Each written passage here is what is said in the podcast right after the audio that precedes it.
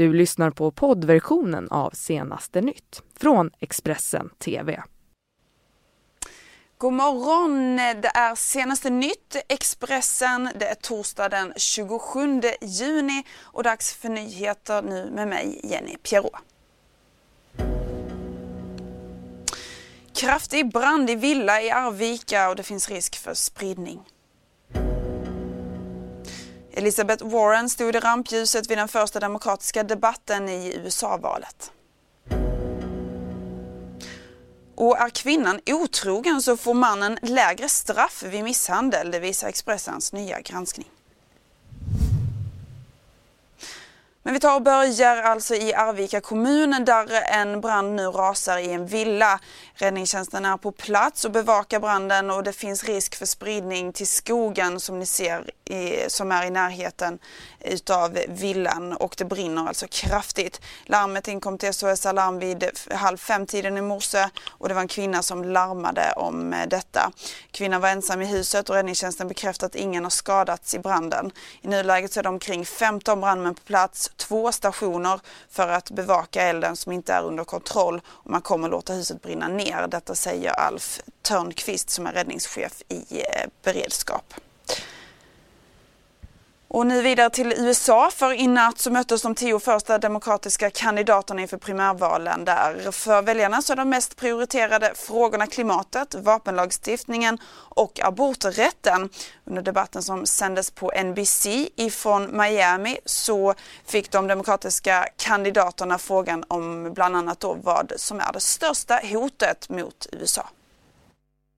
The biggest uh, geopolitical challenge is China, but the okay. biggest geopolitical threat yes. remains nuclear weapons. Okay. Right? So those are, di- you know, those are different you. questions. Totally get it. Go ahead, Governor Inslee. The biggest threat to the security of the United States is Donald Trump, and there's no question. Okay.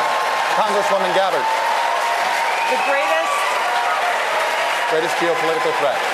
The greatest threat that we face is the fact that we are at a greater risk of nuclear war today than ever before in history. Cong- Cong- uh, Senator Two threats economic threat, China, but our, our major threat right now is what's going on in the Mideast with Iran if we don't get okay. our Try to keep it at one, or, slimmer, slimmer than what we've been going here. One or two our, words. Our please. existential threat is climate change. We have to confront it before it's too late. Senator Warner. Yeah. Climate change. Yeah. Senator Booker. Nuclear proliferation and climate change. Secretary uh, Castro.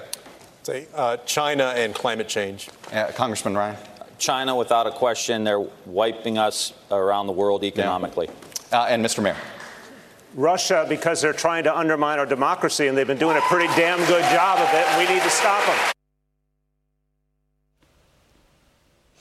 Ja, Elizabeth Warren är den kandidat eh, i Bernie Sanders och Joe Bidens frånvaro som ju debatterar ikväll istället som ligger bäst till nu i opinionssiffrorna. Hon har koncentrerat sig mycket på orättvisor under sin kampanj och har bland annat då föreslagit en särskild skatt för de allra rikaste. Hon menar att Trumps samhälle är korrupt där de rika frodas till förmån för underklassen.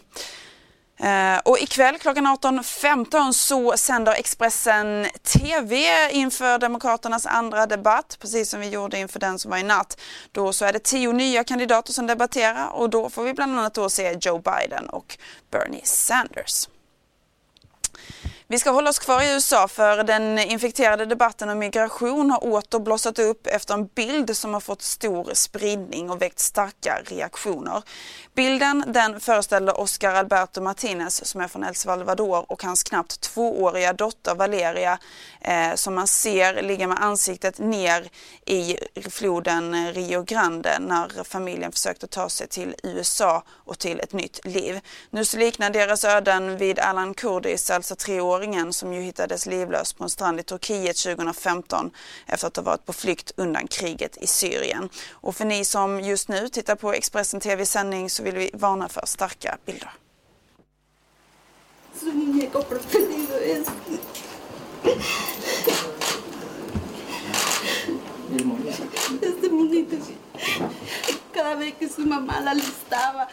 Rosa och José Ramirez fick beskedet som är alla föräldrars mardröm. Deras son och deras tvååriga barnbarn är döda. Oscar Alberto Martinez Ramirez och dottern Valeria flydde från El Salvador och nådde Mexiko och gränsen mot Texas. Men bron de behövde ta sig över för att komma in i USA var stängd och familjen bestämde sig för att korsa floden Rio Grande.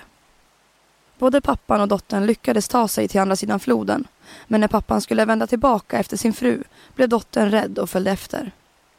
Strömmen var för stark och båda drunknade.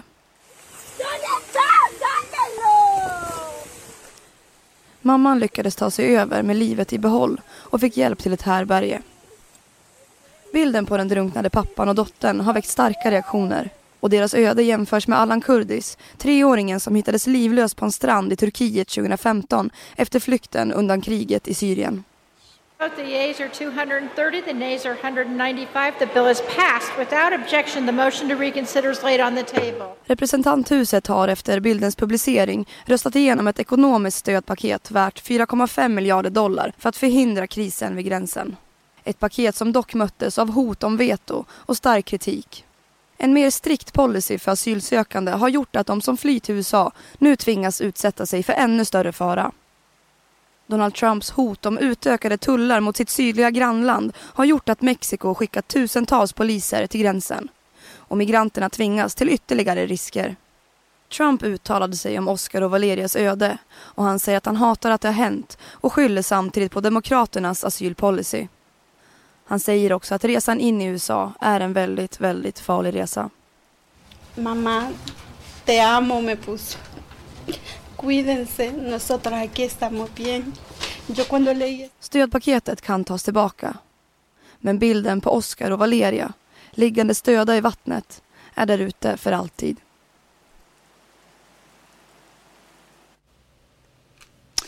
Vi tar och lämnar USA där för Sverige. En man som misshandlar en, sin kvinna ska få mildare straff om det är så att kvinnan har varit otrogen eftersom hennes agerande ska ses som provokation. Det bestämde Högsta domstolen 1990 i en vägledande dom och den används som underlag än idag. Rätten anser att kvinnorna provocerat sina män och därför får de nu nästan 30 år senare strafflindring om det är så att kvinnan varit otrogen.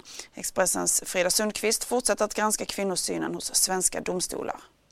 Tre kvinnor vid tre olika tillfällen och i tre olika städer.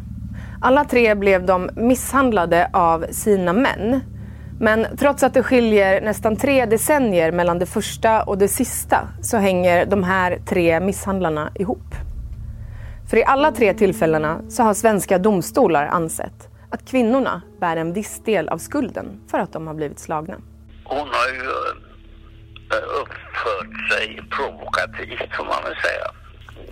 Evas man söker upp henne på krogen för att säga åt henne att de ska åka hem tillsammans. Men hon säger till honom att hon hellre åker hem med vem som helst förutom honom.